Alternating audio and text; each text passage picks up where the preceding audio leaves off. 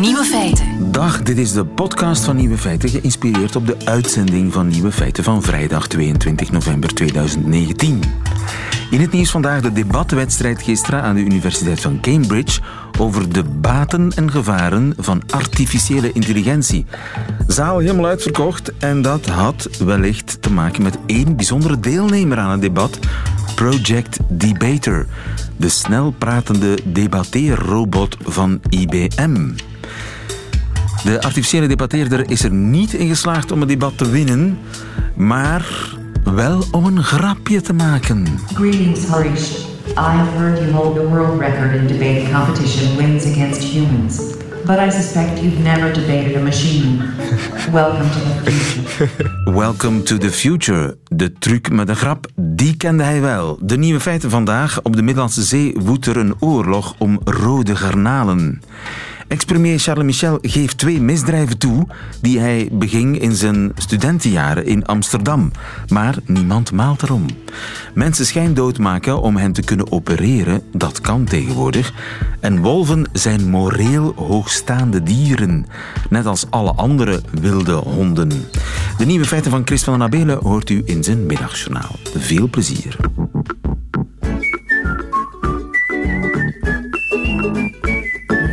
Feiten.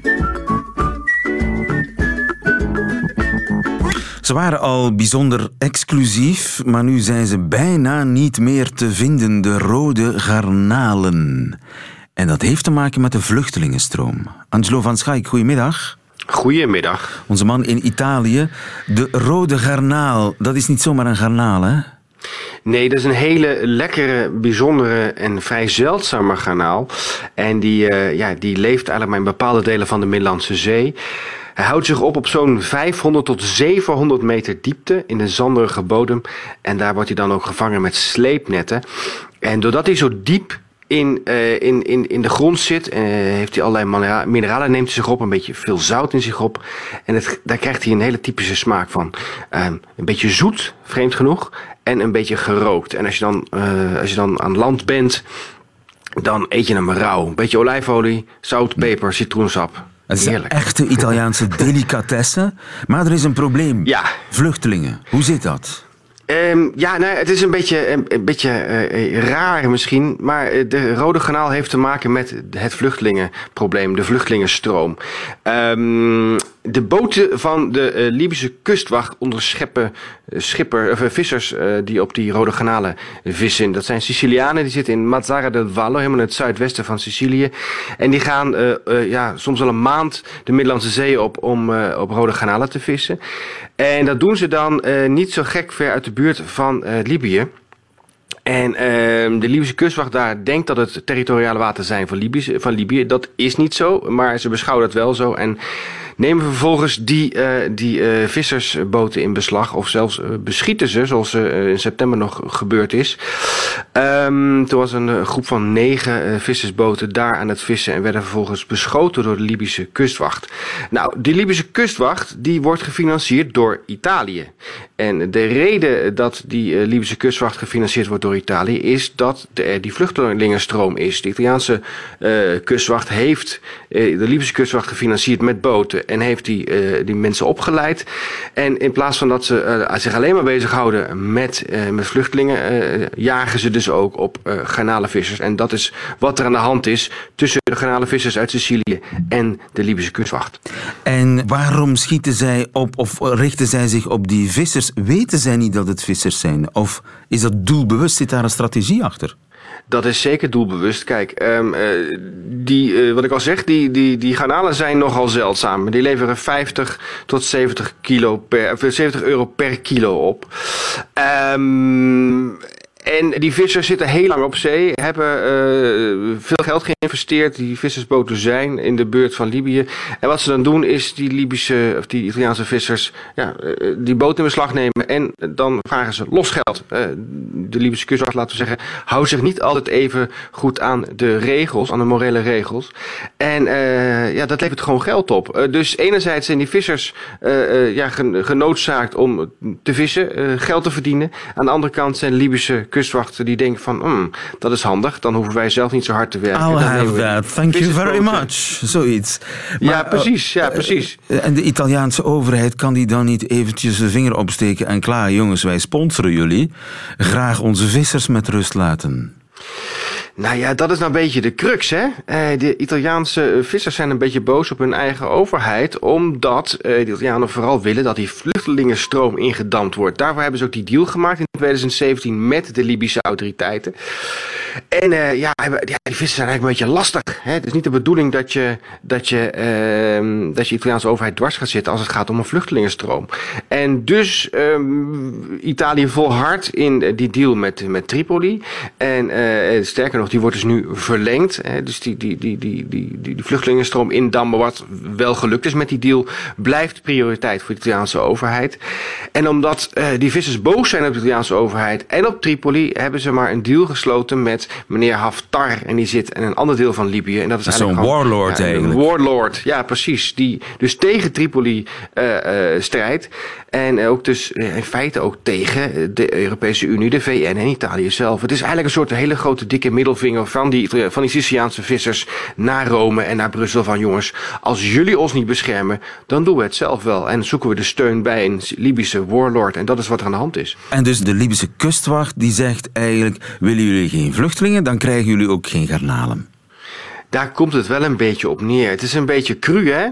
Uh, of vluchtelingen of garnalen. Ja, ik, ik denk dat er weinig anders overblijft dan vegetariër worden misschien.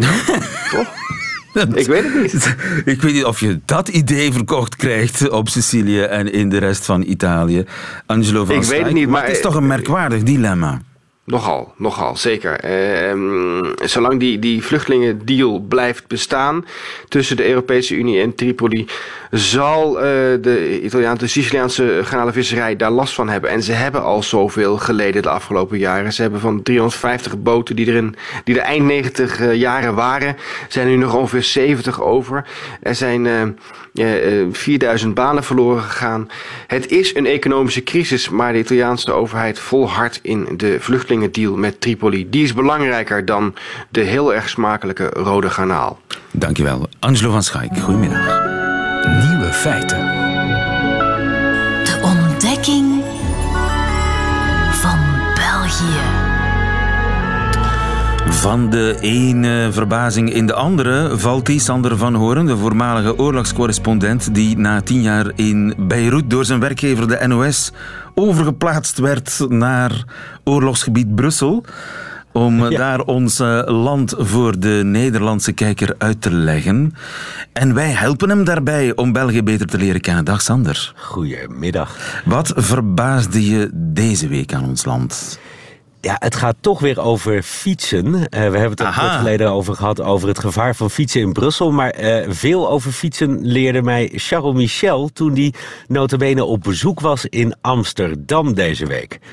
Onze ex-premier, inmiddels president van Europa, bezoekt Amsterdam. Daar moest jij natuurlijk bij zijn. Inkomend president van Inkomend de Europese president. Raad van Ministers. Want 1 december gaat hij het pas officieel doen natuurlijk, voor de volledigheid. En hij maakt een tour langs de Europese hoofdsteden. Uh, en op het moment dat hij dan in Nederland is, dan is dat natuurlijk voor ons interessant. Hij uh, ging daar praten met premier Rutte, uh, goede vriend van hem natuurlijk, mede-liberaal, kennen elkaar ook goed via de Benelux, maar ja, zitten nu toch anders tegenover elkaar. Want als voorzitter van de Raad van Regeringsleiders wil Michel natuurlijk wat anders dan als premier van het buurland. Dus dat was interessant, maar hij was eerste gast aan de Universiteit van Amsterdam. En dat vond ik zo leuk, want hij kwam aanrijden in de auto, stapte uit en zei goede voornamiddag. Waarbij ik dacht, dat gaat mis, want dat snappen wij niet. Dat snappen wij ook nauwelijks, maar wij, wij maar begrijpen hij hem. kreeg ja. het, hij kreeg het heel mooi terug, goede voornamiddag. En dat kwam uit de mond van de rector magnificus van uh, de Universiteit van Amsterdam. Ik heb haar later gesproken en eigenlijk pas aan het einde van mijn interview met haar durfde ik te vragen... bent u toevallig Vlaams? En ik had haar naam niet gezien, want zij heet Karen Maaks, M-A-E-X. Ja, dan had ik het eigenlijk al wel kunnen weten. Maar zij heeft heel veel moeite gedaan om uh, Nederlands te leren. Maar je hebt haar ontmaskerd. Ja, nou, bijna wel. Want zij zegt, uh, ik probeer uh, dat echt uit overtuiging uh, te doen. En ja, wat dat betreft toonde zij eigenlijk mijn eigen falen aan. Want dat zou betekenen dat ik wel wat meer beter mijn best zou moeten doen om Vlaams te spreken. Maar zij vindt dus dat dat voor haar functie, behalve dan op het moment dat Charles Michel langskomt. En, en Charles Michel trouwens, die daarna in de Universiteit van Amsterdam, vond ik toch wel een hele aparte ontboezeming deed.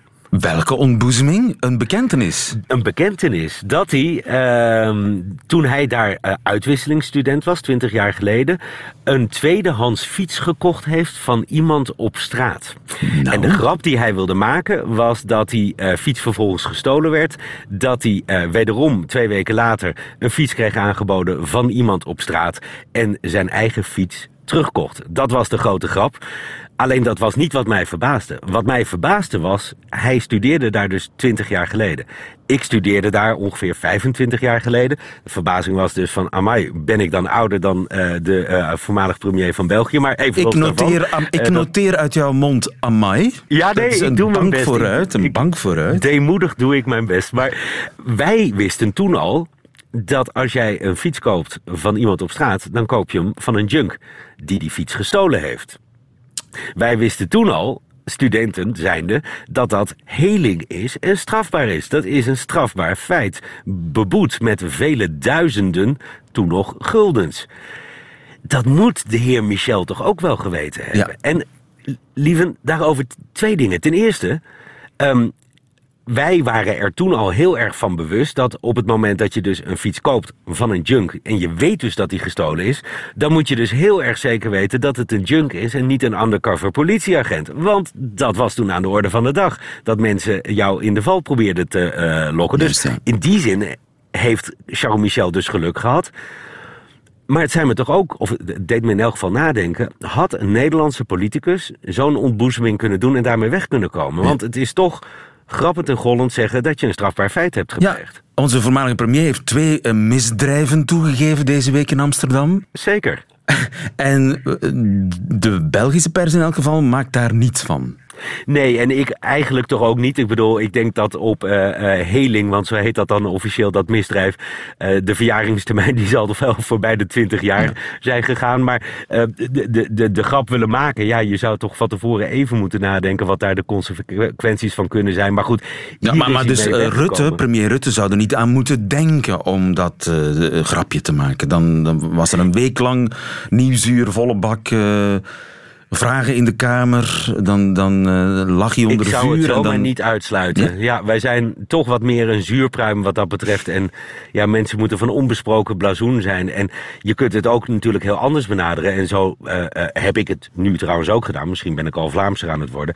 Van ja, de man is natuurlijk student geweest. En uh, hij zal ook misschien wel eens een keer een joint gerookt hebben toen hij in Amsterdam was. Maar ja, hij heeft in dit geval dus uh, tot twee keer toe een gestolen fiets uh, gekocht. Ik vond, hem, ik vond hem wel grappig. Wat ons brengt bij de quiz. En we hebben een aangepaste versie vandaag.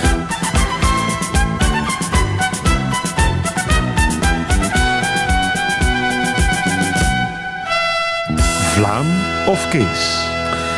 Vlaam of Kees? Jij maakt je sterk dat jij een Vlaming ontmaskert die probeert als een Kees te klinken. Een Vlaam die als een Kees klinkt. Maar kun jij raden of de volgende mensen Vlaam dan wel Kees zijn, Vlaming dan wel Nederlander? Ik begin bij Kees, in het Engels dan. Case nummer 1. Ik denk echt, jij kan het echt niet zijn, Thomas. Je hebt van die Bambi-ogen en ik kijk in je ogen en je bent gewoon te vertrouwen. En toen zei ik, fijn dat je het ziet, het is ook echt zo. En ik vertrouw jou. Ik vertrouw jou nog niet, maar ik ga er wel proberen te doen. Ik ga proberen jou te vertrouwen. Dus ik draaide het ook helemaal om en ik dacht echt, ik ben zo naar spel aan het spelen. Maar ik vond het zo leuk. Is ja, deze stem... Dat is een case. Ja. Weet je dat zeker? Oh god. Ben je aan het solliciteren voor quizmaster die mensen aan het twijfelen maakt, lieven? Nee, ja, ik weet... Je zegt het heel resoluut. Het was ja. de stem van Thomas Kammaert. Een echte Antwerpenaar, wat mij betreft, denk ik. Zo, ja, okay. Maar die een bekende Nederlander geworden is omdat hij de mol was. Ja. En hij daar Precies, een... Ja. Uh, uh, carrière heeft als acteur. Willem, ik heb nog zeven pizza's. Die zitten allemaal in de vriezer. Op de oven hangt een papiertje.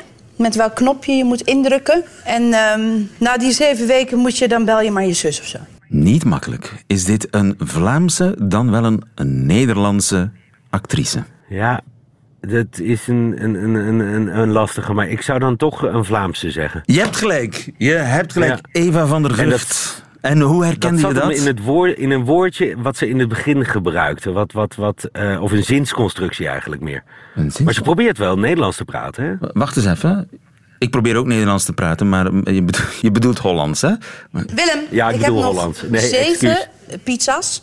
Ik heb Die nog zitten allemaal Ja, oh in de nee, dat was hem. Ja. Op de Ja. oven hangt een papiertje. Met welk knopje je moet indrukken. En, Welke eh, constructie die heeft jou eh, doen twijfelen? Nee, het is een woordje pizza's. Pizza's. Ja, dat zijn bij ons echt pizza's. Oké. Dat is interessant. Dus Ja, eh, Eva, de- de- nooit meer pizza's zeggen, maar pizza's. En ook geen foto, maar dat is gewoon een foto. dat, ja, ja. Oké. Bol. Dit hebben we niet gewild. We hebben het niet geweten. Wat is er van de mens? Schrijver. En dichter, wat bezielt en ontzielt ons? Wat is in de mens gevaren? Wat is in de mens gevaren? Hele keurige stem. Wie is dit? Ja. Wie het is, weet ik niet. Eh, het klinkt behoorlijk Vlaams, maar ik denk toch dat het een Nederlandse is. Ja, omdat we dat anders niet hadden laten horen natuurlijk. Omdat het zo Vlaams klinkt. Wij Nee, hoorden... maar ook omdat de, de, de, ehm, het is te bedeesd en, en, en te bedacht, zeg maar, het, het zachte accent. Het is een gekunsteld zacht accent. Ja, Ja, je hebt, je hebt helemaal gelijk. We hoorden Annemarie Koeberg, legendarische presentatrice, onder meer op Clara. Eh, Mijn voormalige collega, wijlen intussen helaas, Annemarie Koeberg, die in de gangen heel erg Hollands klonk, maar voor de microfoon zich helemaal vervlaamste. Af en toe kon Ja. ze het wel, ze was wel makkelijk te ontmaskeren. Zou jij het kunnen, Sander? Probeer eens. Nee ik, nee, ik denk echt dat het een karikatuur wordt. Bij mij moet je het meer hebben in, in de zinsconstructies. Ik bedoel, dat gaat niet gaan. Dat zul je nu eh, gewoon uit mijn mond horen, ook in huiselijke situatie. Maar, Dat gaat niet gaan. Nee, ik- ja, nee, precies. Dat, het- en, en in Nederland ja, zeg je dat kan niet of dat gaat niet. Maar nee, dat vind ik wel een pret. Dat, dat soort dingen. Maar nee, een Vlaamse tongval, dat gaat bij mij echt als een kari- karikatuur klinken. Dat ga ik eh, de luisteraar niet eens aandoen. Oké, Vlaam of Kees? Weet jij dat, dat jouw kleine tuinkabouter, hè, met zijn blauw helmpje op, hè, met zijn gedraaide viskroket op zijn voorhoofd, die heeft verdorie drie ramen uitgesodemieterd. Dat kost mij 800 gulden. Weet je dat, tijger? Daar heb ik toch niks mee te maken met die klieren van me. God Jan Dorie, wat ben jij toch een zeikstraal? Kezen. De- Je denkt dat het Kezen zijn? Ja. Wauw, geweldig. Dat zullen ze graag horen. Jacques Vermeijren en Loes van den Heuvel. Die, die eh, twee eh, zeer, zeer Vlaamse acteurs die eh, een Hollandse versie probeerden van FC de Kampioenen, de legendarische Vlaamse soap. Het Ja, gaat niet, het gaat niet zo best, ze na te doen, want het Amsterdams, dat klonk toch behoorlijk natuurlijk hoor. Oké. Ze zullen het graag horen. Wie is de, de laatste? Wie Wij gaan de- spelen dus eh, in alle vrolijkheid. Het hoort er vandaag bij. Het is Oudejaarsavond. Alvast een prettige avond wat ons betreft. Wij helpen daar graag toe bij. Een oudejaarsconferentie of een programma, Dat is een quizmaster. een quizmaster. Op de Ja, Vlaamse televisie. Op de Vlaamse televisie, ja. Ik vond hem desondanks behoorlijk Nederlands klinken.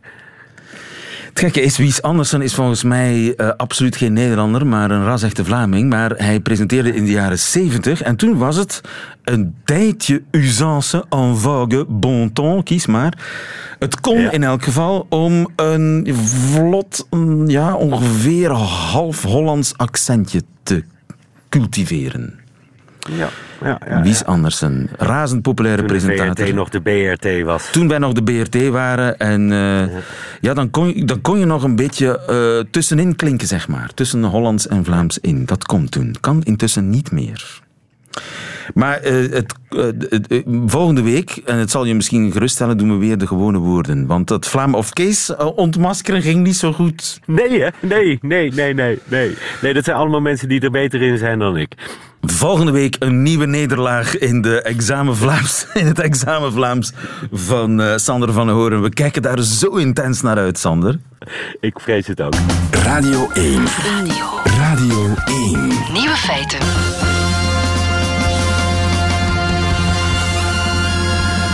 Een mens schijndood maken om hem te kunnen opereren. Amerikaanse artsen zijn daar voor het eerst in geslaagd. Dr. Meffroy, goedemiddag. Ja, goedemiddag. Van het UZ in Leuven. Het klinkt als pure science fiction, hè?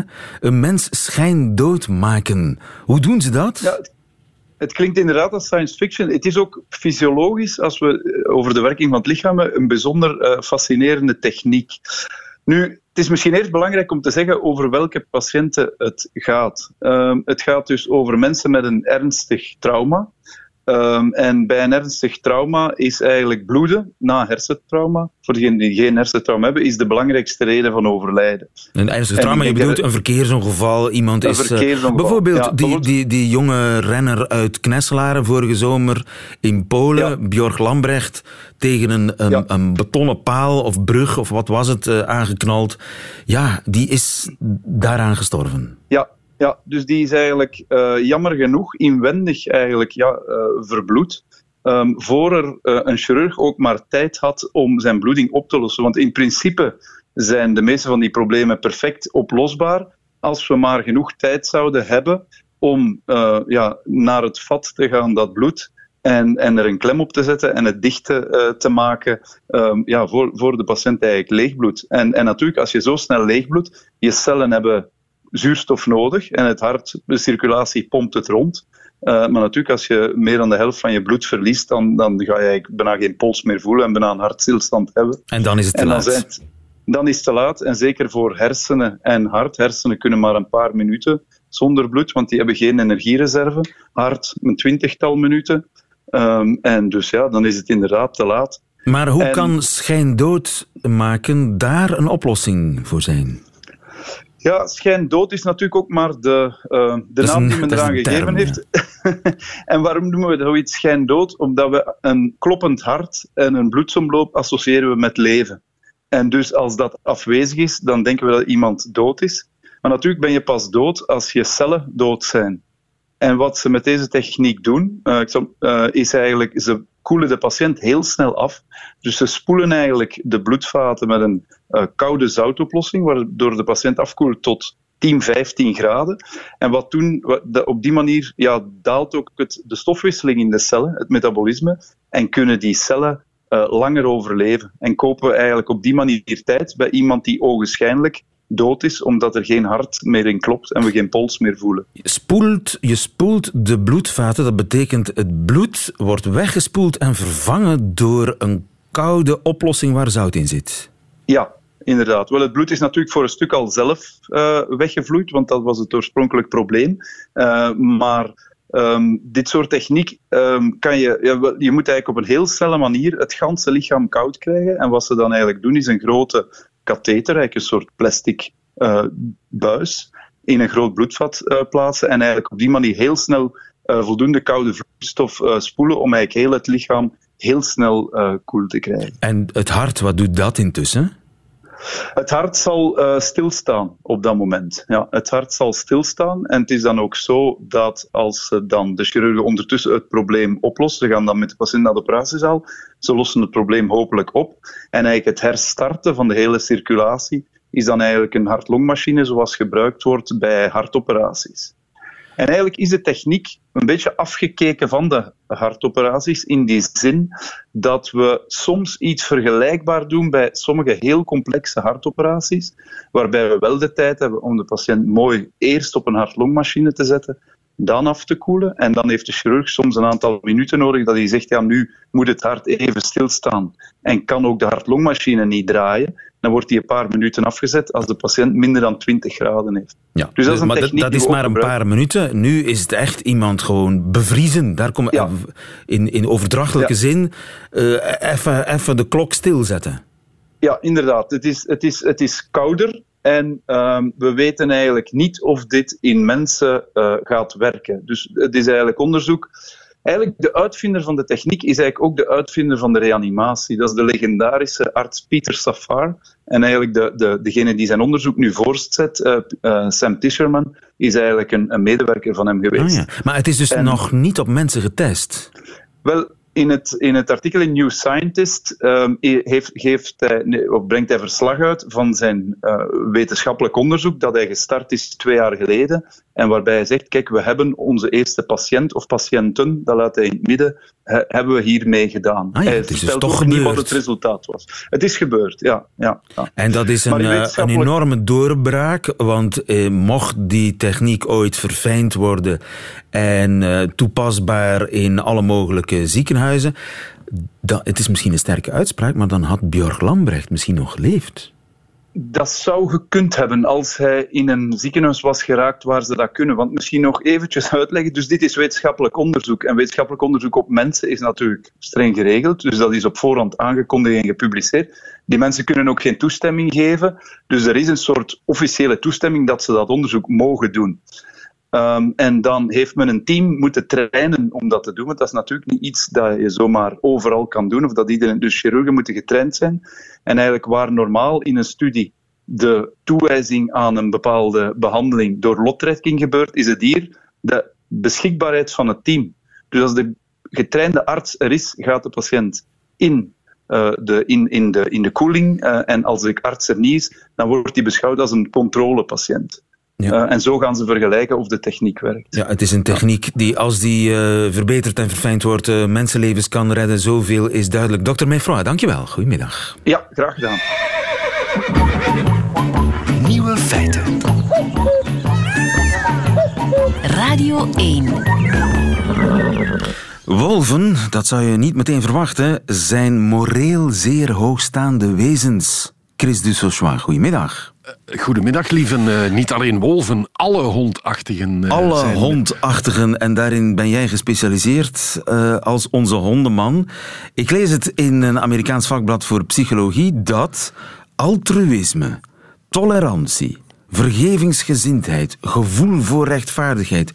De hondachtigen wolven en andere wilde honden, die hebben het allemaal. Klopt dat? Dat klopt helemaal. En het wordt uh, duidelijk als je kijkt naar hoe die hondachtigen met elkaar spelen, lieven.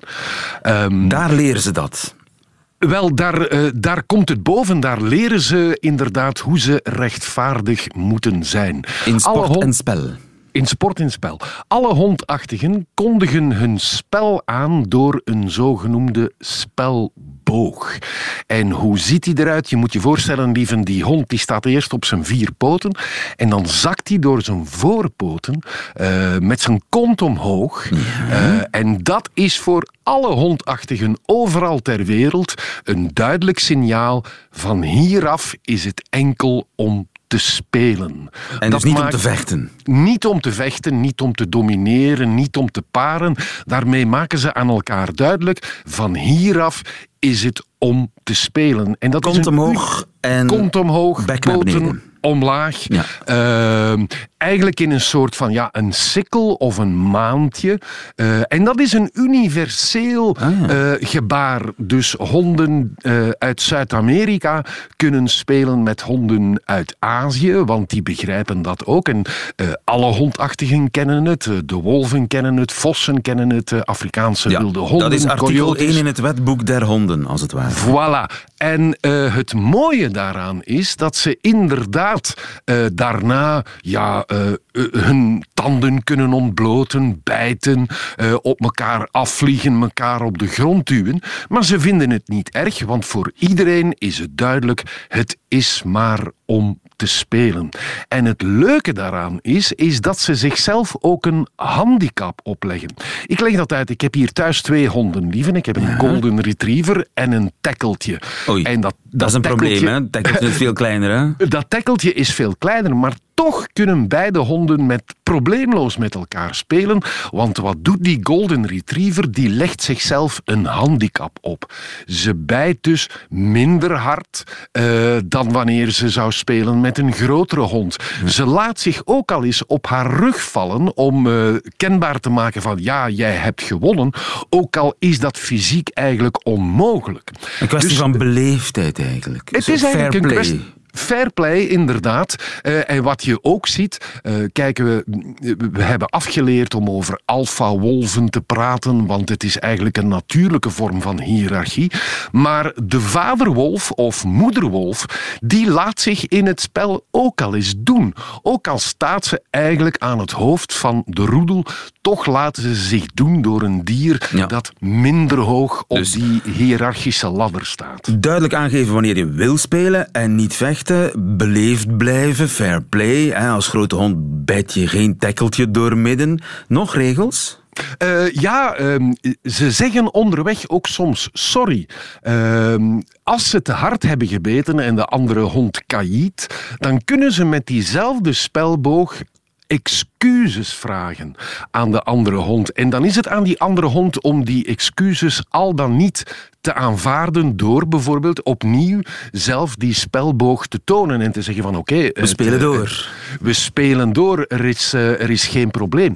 Maar het gaat veel verder, lieven. Uh, bij die wilde hondachtigen, bij de wolven, de coyotes uh, enzovoort, word je uit de roedel gegooid als je voortdurend oneerlijk speelt. Aha, dus als je dat traffen voor wie zich niet aan de regels houdt. Voilà, als je daar niet aan houdt, en dat doe je voortdurend, dan word je uit de roedel gezet en dat heeft verregaande gevolgen.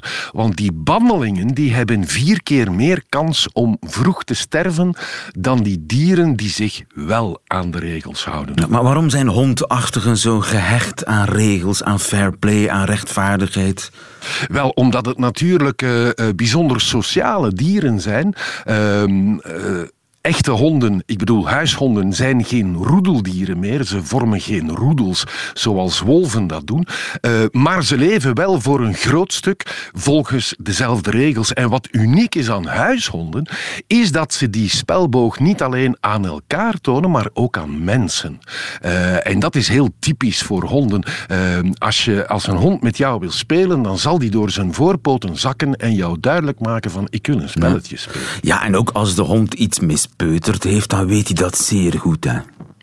Als iets gedaan heeft wat niet mag, dan... Uh, daar, daar, daar zou ik toch een vraagteken bij plaatsen. Want uh, uh, dat is wat je heel vaak ziet op van die YouTube-filmpjes. Mensen die hun hond filmen terwijl hij zogezegd ja, beteuterd of beschaamd kijkt omdat hij de vuilniszakken heeft vernield. Ehm, dat schuldgevoel kennen honden helemaal niet. Het zijn de bazen die het uitlokken door uh, ja, foei lelijk te praten tegen hun honden, uh, denken die dieren, oei, er zwaait wat. Ik zal maar proberen van me zo klein mogelijk te maken, dan gaat het misschien over. Maar dat mag je zeker niet interpreteren als een schuldgevoel, want dat soort gevoelens, dat is een beetje te ver gegrepen. Ja, ja. Dus dat gevoel voor rechtvaardigheid, dat geldt eigenlijk vooral het uh, sport en spel, bij wijze van spreken, onderling onderling inderdaad, maar ook uh, uh, in het geval van de huishond, uh, ook tussen hond en mens. Ah ja, als er, in het spel.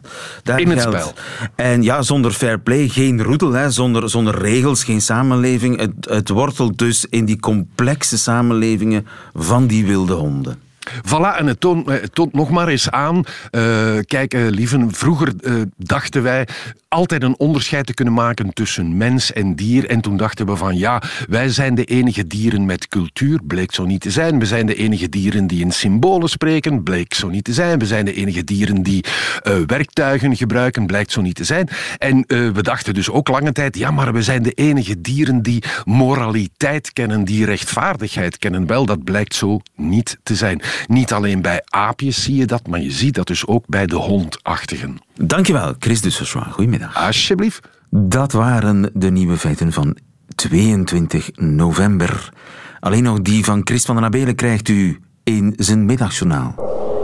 Nieuwe feiten. Middagjournaal. Beste luisteraar, ik heb de trein genomen. Van Kalmthout naar Tienen. Ik had mijn plooifietsje mee en installeerde me in het fietsenrijtuig. Links van mij hing een sticker. Bedankt Juna en iedereen die zijn plooifiets netjes en geplooid opbergt. Schuin tegenover mij hing een gelijkaardige sticker. Bedankt Tine en iedereen die zijn afval in de vuilbak mikt.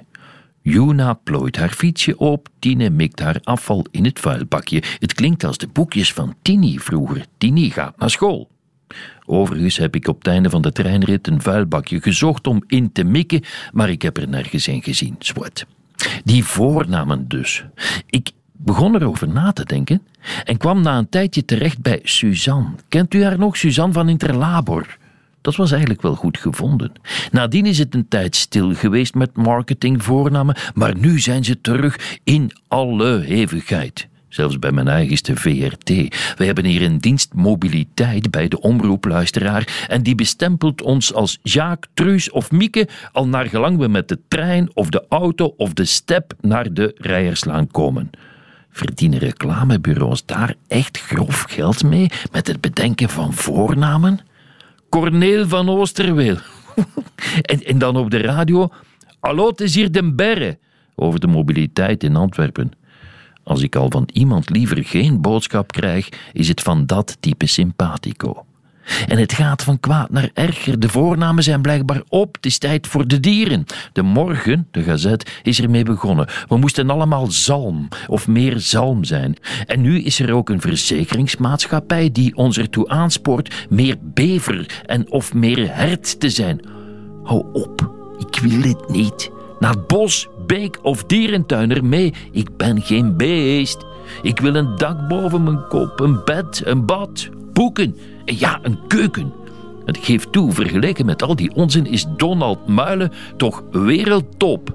Donald Muilen van de reclame, dat is tenminste Donald Muilen.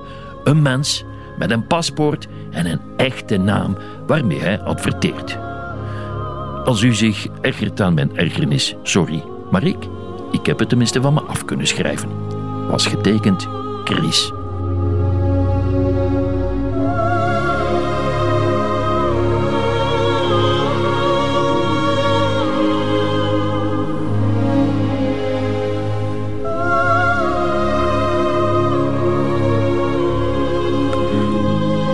Het Middagjournaal met Chris van den Abelen. Einde van deze podcast hoort u liever de volledige uitzending met de muziek erbij.